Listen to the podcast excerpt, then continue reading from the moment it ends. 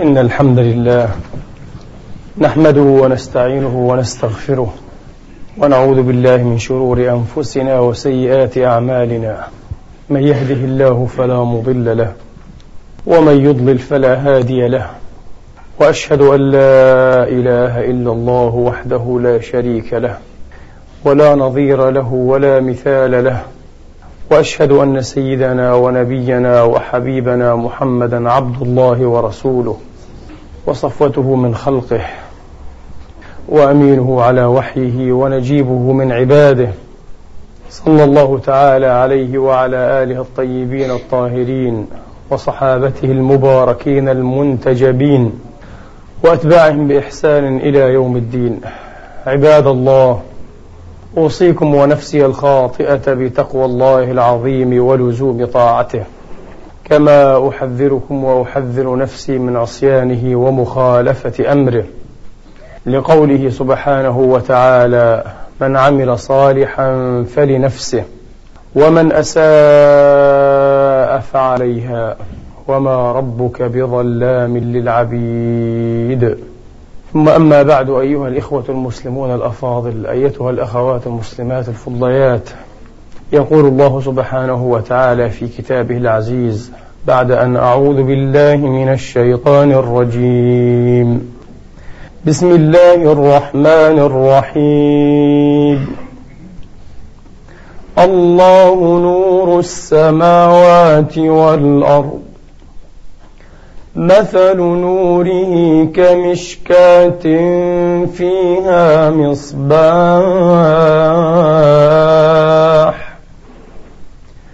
المصباح في زجاجة الزجاجة كأنها كوكب دري يوقد من شجرة.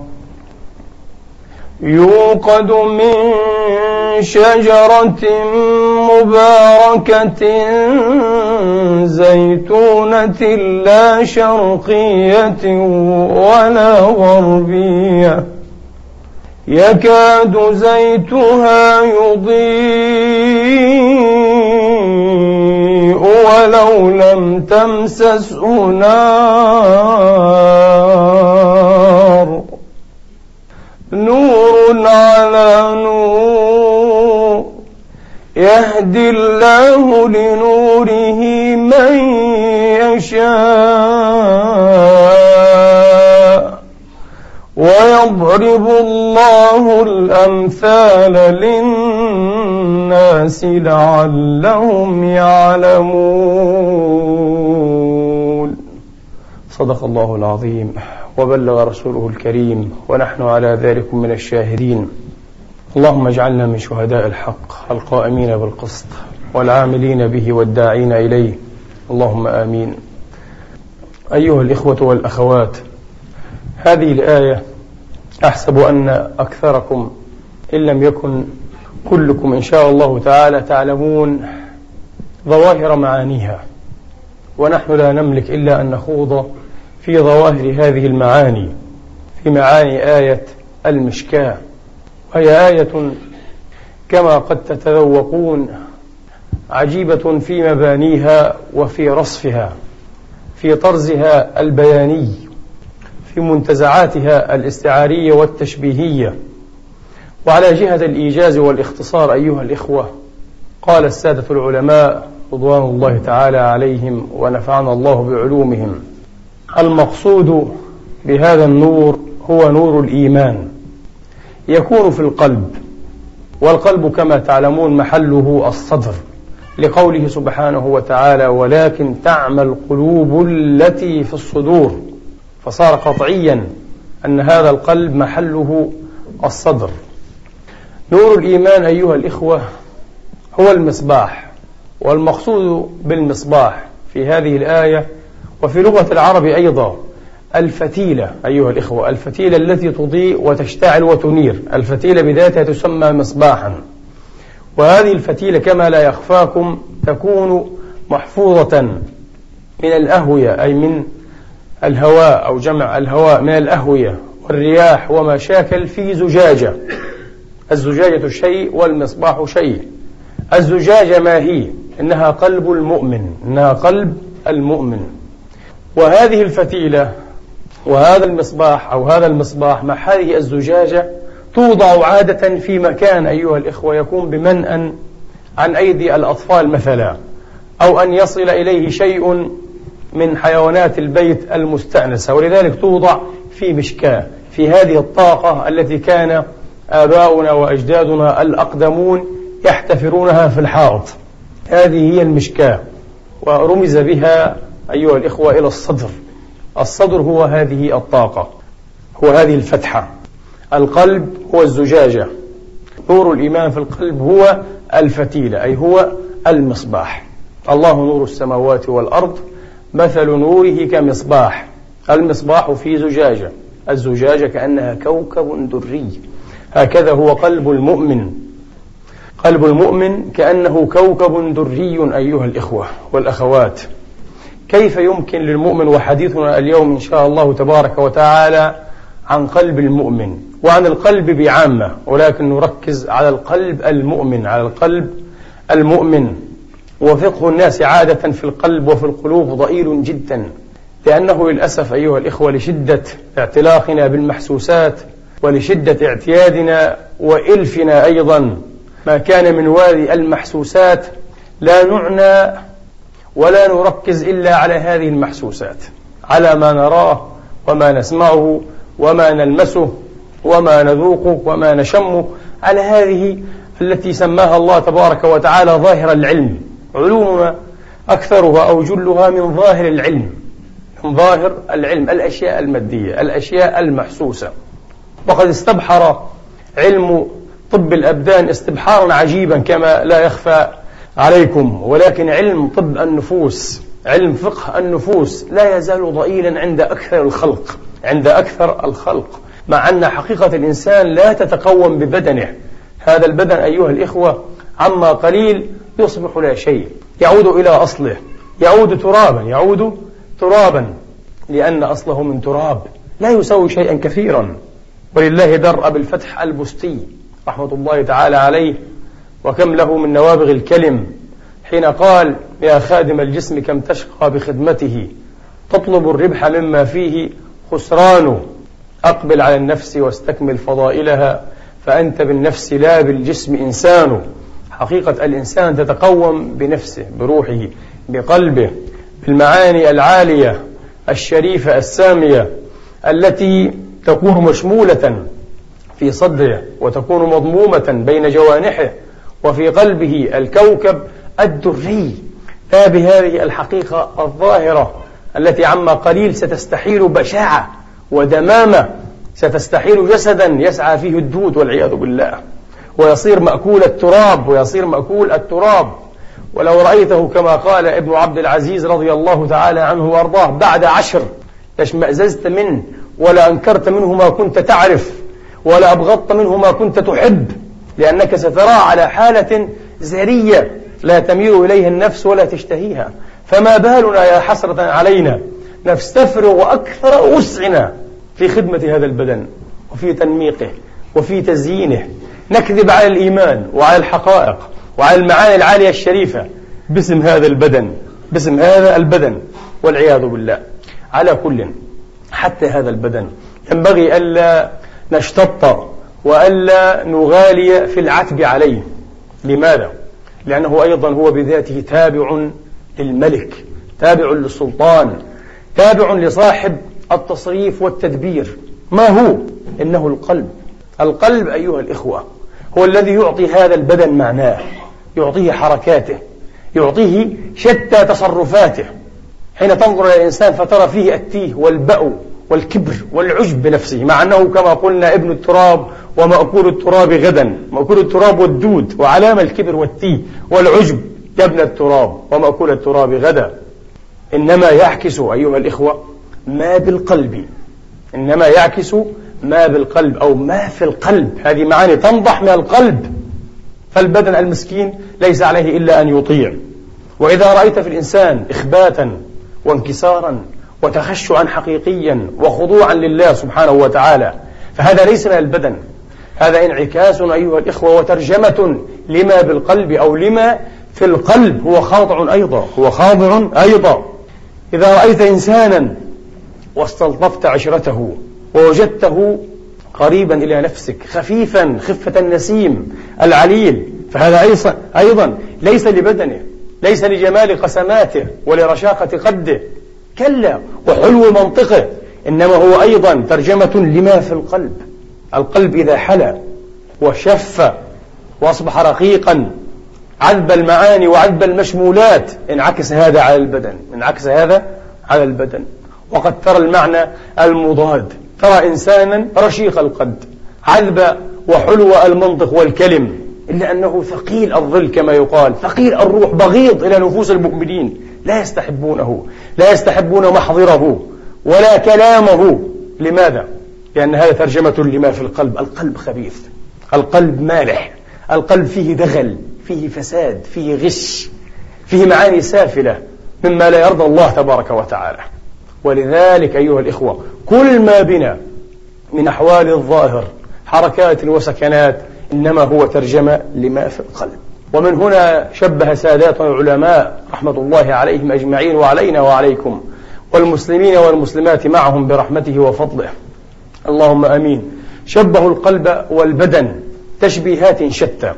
قالوا البدن كالملك وأعضاء القلب عفوا كالملك وأعضاء البدن هي الجنود هي الرعية هي الرعية في المملكة. إذا صلح يقال صلح وصلح. إذا صلح الملك صلحت الرعية. وإذا فسد الملك فسدت الرعية. وفي هذه إشارة لطيفة جدا من مولانا رسول الله عليه الصلاة وأفضل السلام إلى أن الحكام والمتسلطين والملوك وأصحاب المسؤوليات الجسيمة والمناصب الخطيرة يتحملون قسطا أكثر من العامة. العامة تتحمل ولكن أصحاب المسؤوليات من هؤلاء المتسلطين من هؤلاء الحاكمين المسؤولين يتحملون قسطا أعظم. ولذلك الله تبارك وتعالى ذكر عن فرعون أنه يقدم قومه يوم القيامة لأنه أعظمهم إثما. أليس كذلك؟ وأخطرهم وزرا والعياذ بالله. هذا المعنى أين دلنا عليه مولانا رسول الله عليه الصلاة والسلام؟ في الحديث المتفق على تخريجه من حديث النعمان بن بشير وهو الحديث المشهور جدا. أحد الأحاديث التي عليها مبنى أو مباني الإسلام. أحد الأحاديث الأربعة الحلال بين والحرام بين وبينهما أمور مشبهات أو مشتبهات في رواية إلى أن قال ألا وإن في القلب مضغة. ألا إن وفي البدن عفوا مضغة. إذا صلحت صلح سائر البدن. وإذا فسدت فسد سائر البدن. ألا وهي؟ القلب. لأنها بمنزلة الملك من الرعية. إذا صلح الملك صلحت الرعية.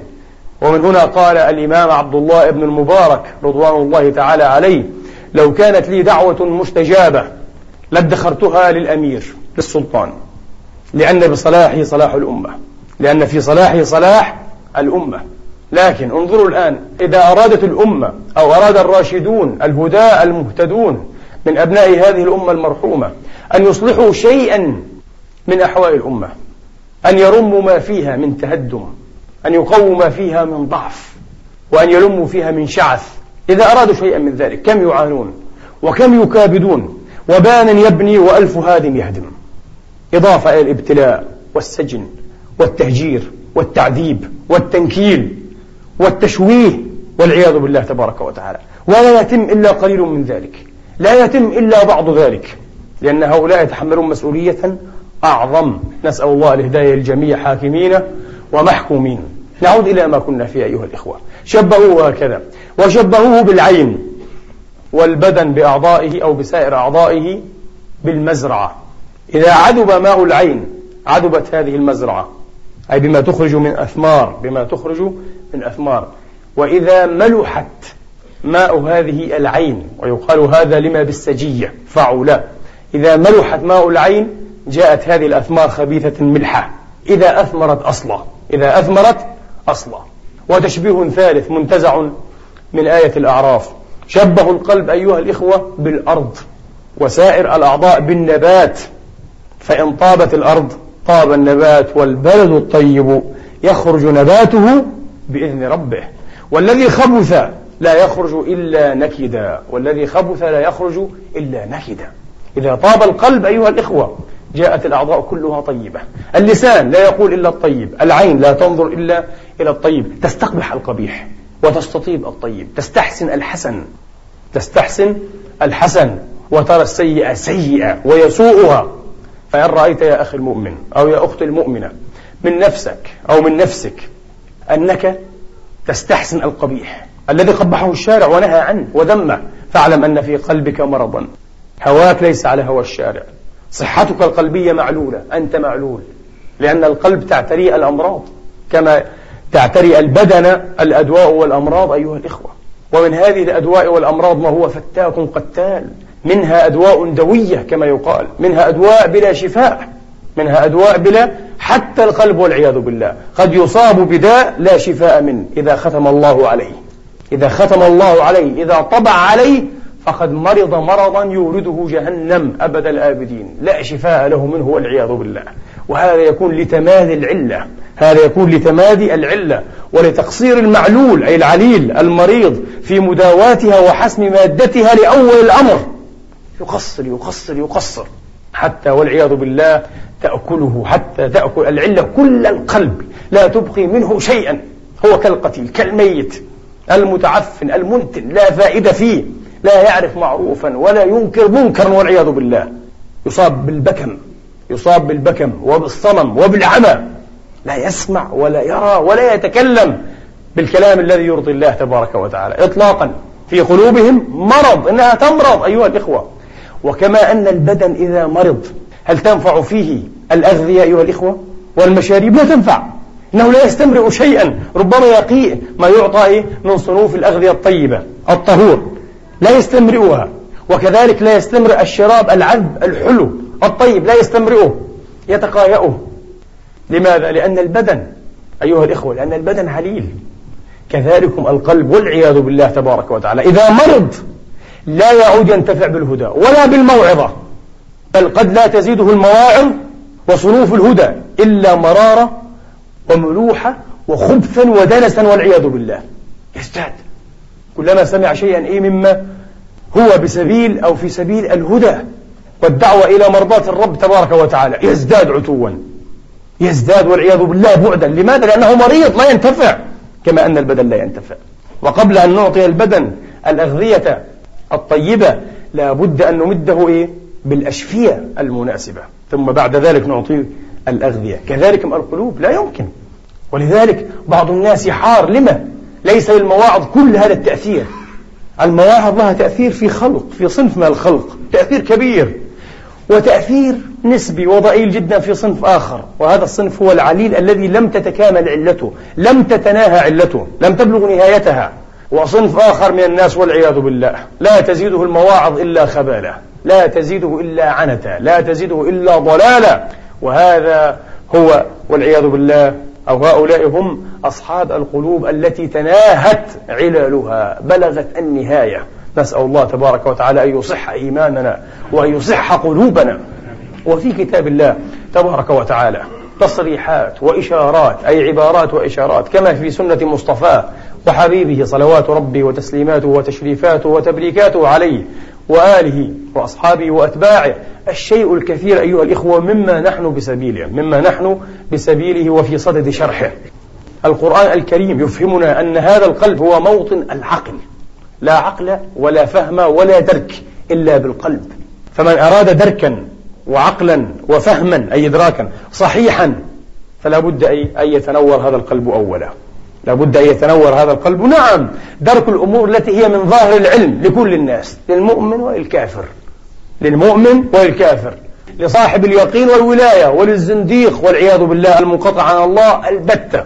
ولكن أنا أعني المعاني والعلوم الشريفة اللطيفة التي تعرف بها حقيقتك وحقيقة الخلق وحقيقة الخلق وحقيقة أو سر الأمر الأكبر الأعظم الأخطر الذي خلقنا من أجله ولأجله أيها الإخوة. هذه المعاني مغلقة أو مغلقة أبوابها دون كثير من الخلق إلا من استأهل قلبه ذلك إلا من استأهل قلبه ذلك. لهم قلوب لا يعقلون بها. القلب موضوع ومخلوق ليعقل لكنهم لا يعقلون والعياذ بالله.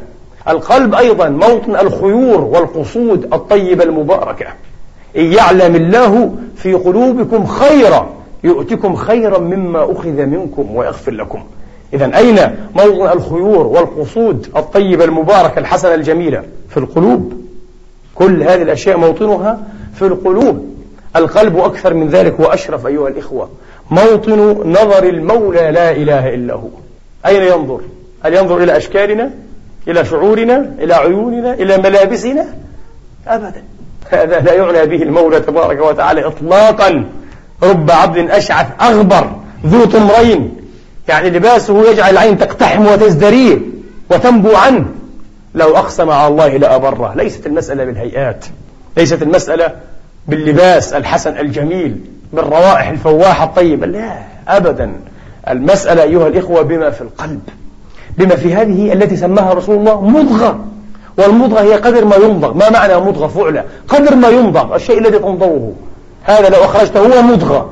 يعني شيء يسير جدا النبي يقول. شيء يسير. ويبدو أن النبي عليه الصلاة والسلام إذا يشير لا إلى كامل هذا القلب العضلي الصنوبري إنما إلى شيء فيه إلى جزء منه إلى جزء منه يسير أيضا. وهو مركز الدائرة وقطب الرحى وعليه الاهتمام كله وعليه الاهتمام كله. في الحديث الذي أخرجه الإمام مسلم في صحيحه إن الله تبارك وتعالى لا ينظر إلى صوركم وأجسامكم والناس يحسبون ذلك ولكن ينظر إلى قلوبكم والعامة تقف عند؟ عند هذه الكلمة وهذا خطأ إلى قلوبكم وأعمالكم أيضا صلاح القلوب وحده من غير عمل المؤكد أنه ليس بصلاح هذا كذب كذب على النفس النفس تغر صاحبها تقول له أنت صاحب قلب حسن وصالح لكنه لا يصلي لا يصوم لا يزكي لا يحج ويؤذي عباد الله. كاذب. كاذب في دعواه وزعمه أنه صالح أو ذو قلب صالح. لو صلح قلبه لصلحت أعضاؤه. ولو صلحت أعضاؤه للبت أمر الله تبارك وتعالى. ولخلى هذا العبد من كل شبهة تناقض خبر الله ومن كل شهوة تضاد أمر الله.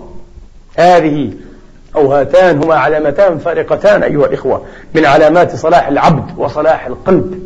أن يخلو من كل شبهة شبهة عقلية فكرية. تناقض ماذا؟ خبر الله.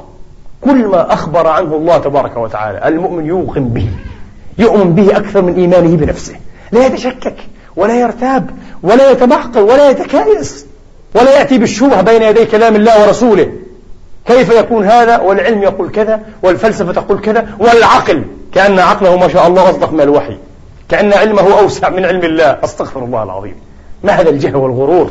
هذا جهل وغرور من غير أهلي. لأننا لسنا أهلا إيه؟ لهذه المواطن إطلاقا. أن نقول إذا قال الله المهم. والشيء الثاني ومن كل شهوة تضاد أمر الله. أمر الله ماذا؟ افعل ولا تفعل. الحلال والحرام المكروه والمستحب والجائز. هذه أوامر الله تبارك وتعالى. هذه طالبات الله تبارك وتعالى. ما الذي يحول بيننا وبين أن ننزل على أمر الله؟ الشهوات. شهوات كثيرة جدا جدا. والشهوات لا يمكن. أنواع. وتحت أنواعها أفراد لا تنحصر. وتحت أنواعها أفراد لا تنحصر. إذا لا شبهة إن شاء الله ولا شهوة. علامتان على صلاح العبد. على صلاح قلبه. مولانا رسول الله عليه الصلاة وأفضل السلام إلى أبد الآبدين. قسم في حديثه الجليل الذي أخرجه الإمام أبو عبد الله أحمد رضي الله عنه وأرضاه في مسنده من حديث أبي سعيد الخدري رضي الله تعالى عنه وأرضاه القلوب هذه القسمة العجيبة أيها الإخوة. وهذا من العلم الرباني كما تسمعون دوما. هذا من العلم الرباني لا نجد مثله ولا شبيهه ولا ما يساهمه في تحقيق هذه المعاني اللطيفة. لا عند مفكر ولا عند فيلسوف ولا عند عالم. إطلاقا. هذه إنما تؤخذ من ينبوع الحكمة الإلهية. هذه المعارف تؤخذ من ينبوع الحكمة الإلهية. من الكتاب والسنة وحسب. يقول عليه الصلاة والسلام القلوب أربعة قلب أجرد قلب أجرد فيه مثل السراج يزهر وقلب أغلف وقلب منكوس وقلب مصفح. الله أكبر. تشبيهات أربعة عجيبة. فأما القلب الأجرد الذي فيه مثل السراج يزهر فقلب المؤمن فيه نور الإيمان. اللهم اجعل قلوبنا جميعا على هذا المثال على هذا النموذج يا رب العالمين. قلب منور وصفته الآية بأنه كالكوكب الدري أيها الإخوة والزيت الذي فيه يكاد يضيء من تلقائه من دون من غير أن تمسه نار. إنه مادة الإيمان من فكر وذكر مادة الإيمان من فكر وذكر وبراهينه مواد الإيمان هذا الزيت. إذا هذا قلب المؤمن فيه نور الإيمان. والقلب الأغلف والعياذ بالله أي مغلف. لأنه مطبوع عليه. فقالوا قلوبنا غلف بل لعنهم الله بكفرهم والعياذ بالله. والقلب الأغلف قلب الكافر. لا يخرج منه الكفر الذي هو فيه ولا يدخل إليه الإيمان الذي يفتقر إليه. ما في. كفر والعياذ بالله. يعيش ويموت كافرا لأن قلبه مغلف. ولذلك من المحال من العبث أيها الإخوة أن تهدي مثل هذا الإنسان. ولذلك الأنبياء فشلوا أحيانا في أن يهدوا أمثال هؤلاء البشر لأنهم كفر ذو قلوب غلف ذو قلوب غلف. يستوي فيه المفرد والجمع لقوله وقالوا قلوبنا غلف. طيب جمع أغلف. والقلب المنكس والعياذ بالله هو قلب المنافق. عرف ثم أنكر. عرف ثم أنكر. ولقد ضرب القرآن العظيم مثلا لهؤلاء المنافقين بالمستضيء أيها الإخوة بالنار. كلما أضاءت له النار مشى إذا هو عرف. وكلما أظلمت وقف. فتحير. صار متهوكا متحيرا مترددا. لا يعرف أين السبيل ولا من أين الطريق. عن يمين أو عن شمال أمن قدام أو من خلف. لا يعرف. هذا هو المنافق. عرف ثم أنكر. فتركه الله في ضلالته وفي بيداء تيهه عامها. والعياذ بالله أصم أبكم وأما القلب المصفح فقلب فيه إيمان وفيه نفاق. لا إله إلا الله. ويبدو أن هناك كثيرا من العباد قلوبهم مصفحة. لا يكون منافقا خالصا ولا كافرا لكنه ليس أيضا صاحب القلب المزر الدري. قلب مصفح. فيه إيمان وفيه نفاق. فمثل الإيمان فيه كمثل الشجرة يمدها الماء الطيب أيها الإخوة. فيأتي نباتها طيبا ومثل النفاق فيه كمثل القرحة يقال قرحة وقرحة. كمثل القرحة الدمن البثرة الكبيرة المنتفجة. كمثل القرحة يمدها القيح والدم. فأيهما غلب؟ غلب عليه. يعني أي المادتين؟ إذا غلب الماء الطيب خلاص يعتبر هذا القلب طيبا في الجملة. وإذا غلب القيح والدم يعتبر هذا القلب خبيثا في الجملة. وإن كان فيه بعض الماء الطيب. بعض الماء الطيب. وهذا دليل لمن قال العبرة للأغلب والندور أو النادر القليل الشاذ لا حكم له. إنما ندور مع الأغلب. ندور مع الصفة التي غلبت أيها الإخوة. فهذه قلوب أربعة. وفي حديثه عليه الصلاة والسلام الآخر وهو حديث عجيب أيضا. من رواية حذيفة ابن اليمان صاحب سر رسول الله عليه الصلاة والسلام ورضي الله عن حذيفة وأرضاه. وهو في صحيح مسلم. تعرض الفتن على القلوب. كل يوم فتن أيها الإخوة خاصة نحن هنا في هذه البلاد الغربية بلاد غير إسلامية. وبعض الناس يقول ماذا فيها؟ فيها أشياء خير. نعم فيها أشياء خير كثيرة أطيبها الحرية والأمان بلا شك. نعمتان أيها الإخوة لا تقومان بأشياء كثيرة ولكن فيها أشياء مفسدة كثيرة. أول هذه الأشياء أيها الإخوة فيها نوع تلهية عما يراد منا وبنا. حتى إذا عاش فيها المرء دهرا والعياذ بالله انقلبت أخلاقه. إلى أخلاق حسية شهوانية مادية حتى معاملاته تعاملاته. تصبح تعاملات مادية جشعة. فيه طمع فيه جشع فيه حرص عجيب على المال. كهؤلاء الناس للأسف وهذه ليست صفة المؤمن. ليست صفة المؤمن ليست صفة المحسن ليست صفة عباد الرحمن. وأيضا الشهوات غلبت الشهوات. تجدون الرجل ابن أربعين خمسين ستين سنة كالطفل الصغير كالمراهق والعياذ بالله. يتبع بعينيه الطامحتين النساء والفتيات. أما تستحي على شيبتك؟ أما تستحي على نفسك؟ أما لك فيما أتاك من نذير الشيب ونذير المرض والأوجاع؟ وما إلى ذلكم؟ من مزدجر؟ من ذكرى وعبرة؟ لكنها بلد كلها شهوات. تفور وتمور بالشهوات. وطبعا كما قلنا فقه القلوب نزر يسير فينا. لا نحاول أن نعنى بقلوبنا. لا نحاول أن نطلب لها الأشفية كما نطلب لأبداننا. كما أقول دائما يا حسرة علينا. لو الإنسان فينا شعر بأن ضغطه ارتفع قليلا أو ارتفعت نسبة السكر والله لا يقر له قرار. يترك العمل يطلب إجازة مباشرة حتى لو لم يعطى. يترك العمل ويدور على المستشفيات على المشافي للتحاليل المختلفة وعلى الأطباء. ويتمنى من طبيب ولو كذب عليه أن يعطيه كلمة واحدة يطمئنه بها ليذهب عنه الروع والخوف. لماذا يا عبد الله؟ هكذا إلى هذه الدرجة أنت ضنين ببدنك تخاف على بدنك. لكن لماذا لا تخاف على روحك؟ لماذا الروح في جدب في فقر في بؤس وأنت لا يعنيك؟ والبدن في تخمة. ريان شبعان بكل الشهوات. والروح المسكينة منقمعة في ركن قصي بمتجر الكلب والعياذ بالله. لي لا يعطيها أي شيء مما تحبه وتريده. حتى ذوت وضعفت وأصبحت ذليلة.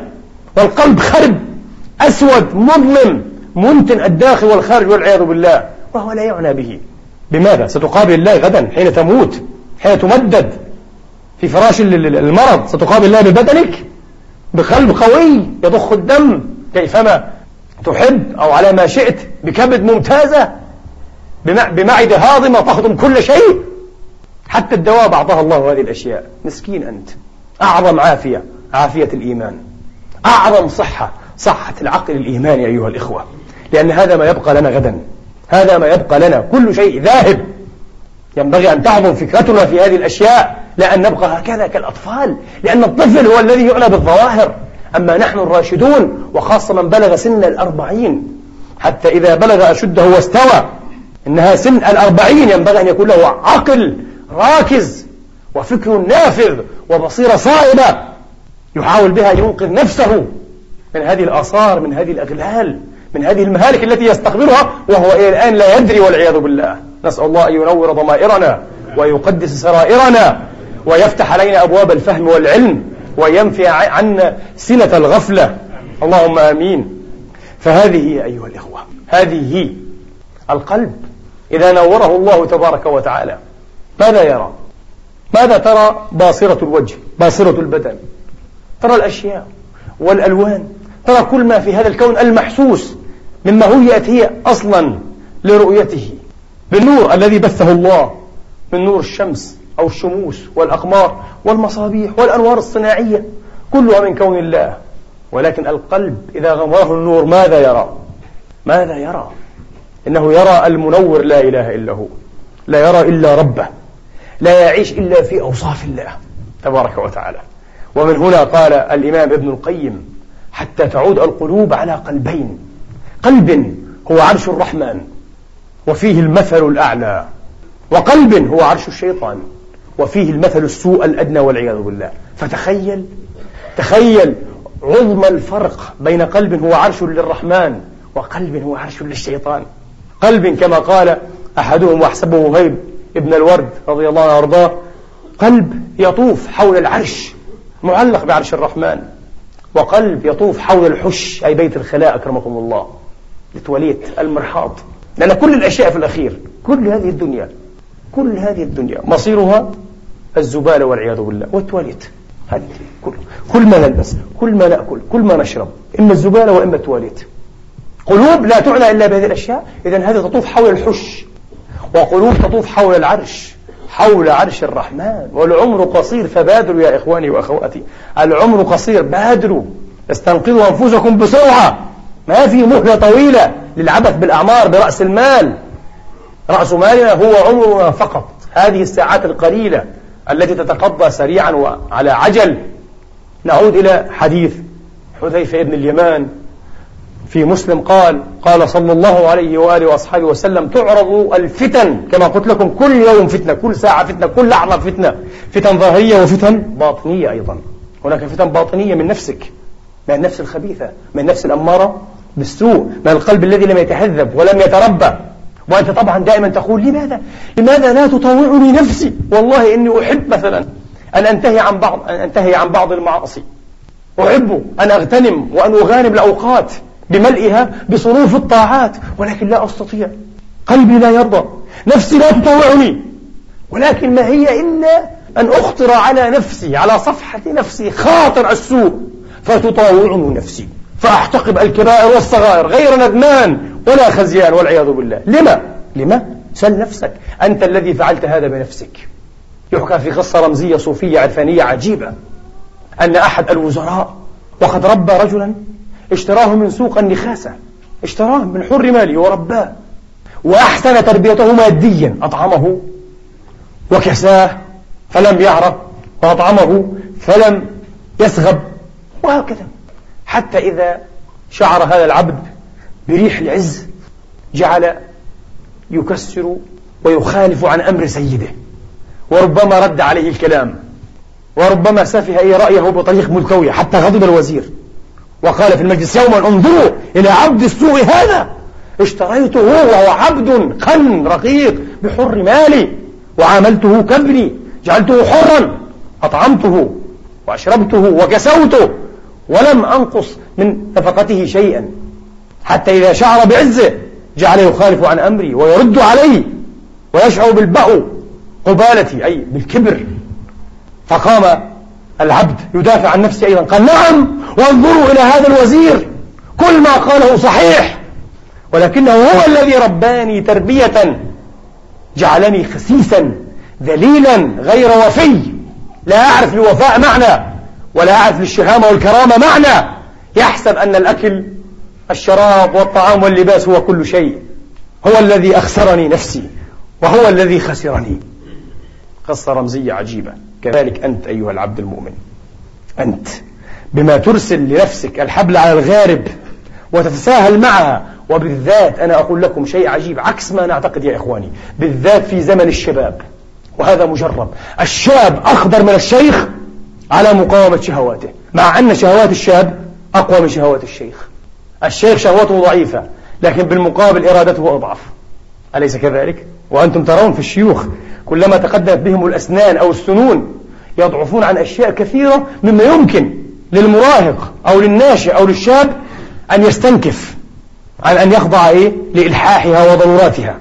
يستطيع أن يحاربها في نفسه بقوة إرادة. أما الشيخ فيبكي كالطفل الصغير يريد هذا الشيء يريد هذا المشروب هذا المطعم يريد النزهة يريد الخروج يريد كذا. وإذا خولف في أمره بشيء بسيط جعل يبكي كالأطفال. فإياك أن تؤجل وتقول أنا إذا علت سني وكبرت وتقدم بي السنون أتوب إلى الله إن شاء الله وأترك كل الشهوات وأفعل كل الطاعات. لن تفعل. لن تفعل. ولذلك افعل الآن. وأنت شاب قوي لك إرادة من حديد. لا أعرف للشباب معنى إلا الإرادة. والله. ولذلك أنتم أحيانا تحتقرون شابا. ترونه والعياذ بالله. في نفسية طفل لا يستطيع أن يقاوم أي إلحاح أي داعية شهوة أو غريزة. هذا لا يستحق أن يسمى شابا. الشاب هو الذي يستطيع أن يقول أنا وإرادتي وموقفي ورأيي. وأستطيع. هذا هو الشاب. هذا هو سر الشباب سر القوة. لا هذا الضعف والاستخفاء والخضوع لكل الضرورات. هذا لا يجعل إيه؟ المهم نختم بهذا الحديث. تعرض الفتن على القلوب كعرض الحصير. عودا عودا وضبطها بعضهم عودا عودا. يعني مرة تلو الأخرى من بعد مرة.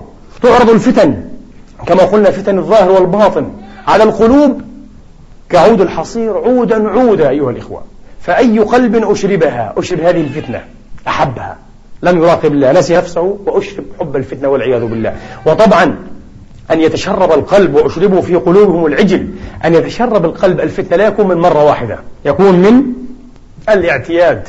يكون من معاولة الذنب. مرة ومرة ومرات فيتشرب القلب. واختبروا هذا المعنى في أنفسكم. أول ذنب تفعله لأول مرة تستنكره وتراه فظيعا وتبكي وتسأل المشايخ وتخرج الصدقات وتستغفر ثم تعود. حتى إذا عدت إليه عشر أو عشرين مرة لا تسأل أحدا وترى أنك تفعل صغيرة من الصغائر الله غفور رحيم. وتنتهي المسألة. لأن قلبك وأنت لا تدري يا مسكين أشرب هذه الفتنة. أشرب هذه الفتنة. فأي قلب أشربها نكت فيه نكتة سوداء. وأي قلب أنكرها رفض الفتنة. وقال إني أخاف الله. معاذ الله إنه ربي أحسن مثواي. وأي قلب أنكرها نكت فيه نكتة بيضاء. حتى تصير القلوب على قلبين. قلب أسود مربادّا شديد السواد. مجخيا أو كالكوز مجخيا. قلب منكوس وهو قلب المنافق والعياذ بالله. لا يقبل أي هدى. هل يمكن أن تصب شيئا في كوز منكوس؟ لا يمكن. لأنه منكوس. انتهى. لأنه تشرب حب الفتن مئات المرات آلاف المرات. في عشرات الأيام والسنين. انتهى. وقلب أبيض كالصفا. قال عليه الصلاة والسلام لا تضره فتنة ما دامت السماوات والأرض. الله أكبر. يعني لو عاش صاحبه عمر السماوات والأرض لا يفتن إن شاء الله تعالى. كيف؟ هذا قريب من معنى العصمة. صحيح. قريب من معنى العصمة والمحفوظية أن يكون العبد معصوما محفوظا. كيف هذا لا يأتي بمرة ولا يأتي بصلاة ركعتين أيها الإخوة ولا يأتي بصدقة درهمين يأتي بمقاومة الفتن على الدوام. كلما عرضت لك فتنة نفيتها وحاربتها. طلبا لماذا؟ طلبا لما عند الله إجلالا لله توقيرا لله تبارك وتعالى. فيصبح القلب كالصفا. تعلمون ما الصفا؟ الصخرة الصوان الحجر الصلد شبه النبي هذا القلب الفالح الناجح المنور. بهذه الصخرة الملساء أيها الإخوة لماذا؟ لمعنى البياض فهو قلب أبيض منور. ولمعنى الصلابة لشدته على عقد الإيمان. عقد الإيمان فيه شديد وقوي وثابت راسخ. فيه معنى الصلابة أيضا لشدته على عقد الإيمان وهو أيضا أملس أيها الإخوة. لا تعلق به فتنة. تزل عنه الفتن كما تزل إيه؟ القطرات عن الصفا وهو صفا. أقول قولي هذا وأستغفر الله لي ولكم.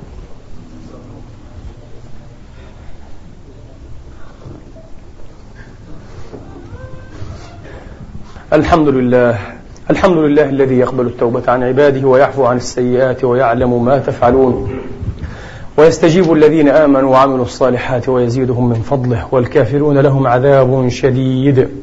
وأشهد أن لا إله إلا الله وحده لا شريك له وأشهد أن سيدنا ومولانا وحبيبنا محمدا عبد الله ورسوله صلى الله تعالى عليه وعلى آله وأصحابه وأتباعه وسلم تسليما كثيرا. اللهم اهدنا فيمن هديت وعافنا فيمن عافيت وتولنا فيمن توليت وبارك اللهم لنا فيما أعطيت وقنا واصرف عنا بكرمك وفضلك ومنك شر ما قضيت يا رب العالمين. اللهم اهدنا واهد بنا وأصلحنا وأصلح بنا. اللهم اجعلنا مفاتيح الخير مغاليق للشر هداة مهتدين غير ضالين ولا مضلين. سلما لأوليائك وعدوا لأعدائك. نحب بحبك من أحبك ونعادي بعداوتك من خالفك. اللهم حبب إلينا الإيمان وزينه في قلوبنا وكره إلينا الكفر والفسوق والعصيان واجعلنا من الراشدين. اللهم اجعل جمعنا هذا جمعا مرحوما وتفرقنا من بعده تفرقا معصوما ولا تدع فينا شقيا ولا مطرودا ولا محروما. برحمتك يا أرحم الراحمين لا إله إلا أنت ولا رب غيرك. عباد الله إن الله يأمر بالعدل والإحسان وإيتاء ذي القربى وينهى عن الفحشاء والمنكر والبغي. يعظكم لعلكم تذكرون. اذكروا الله العظيم يذكركم. واشكروه على نعمه يزدكم وسلوه من أفضاله يعطكم وقوموا إلى صلاتكم يرحمني ويرحمكم الله.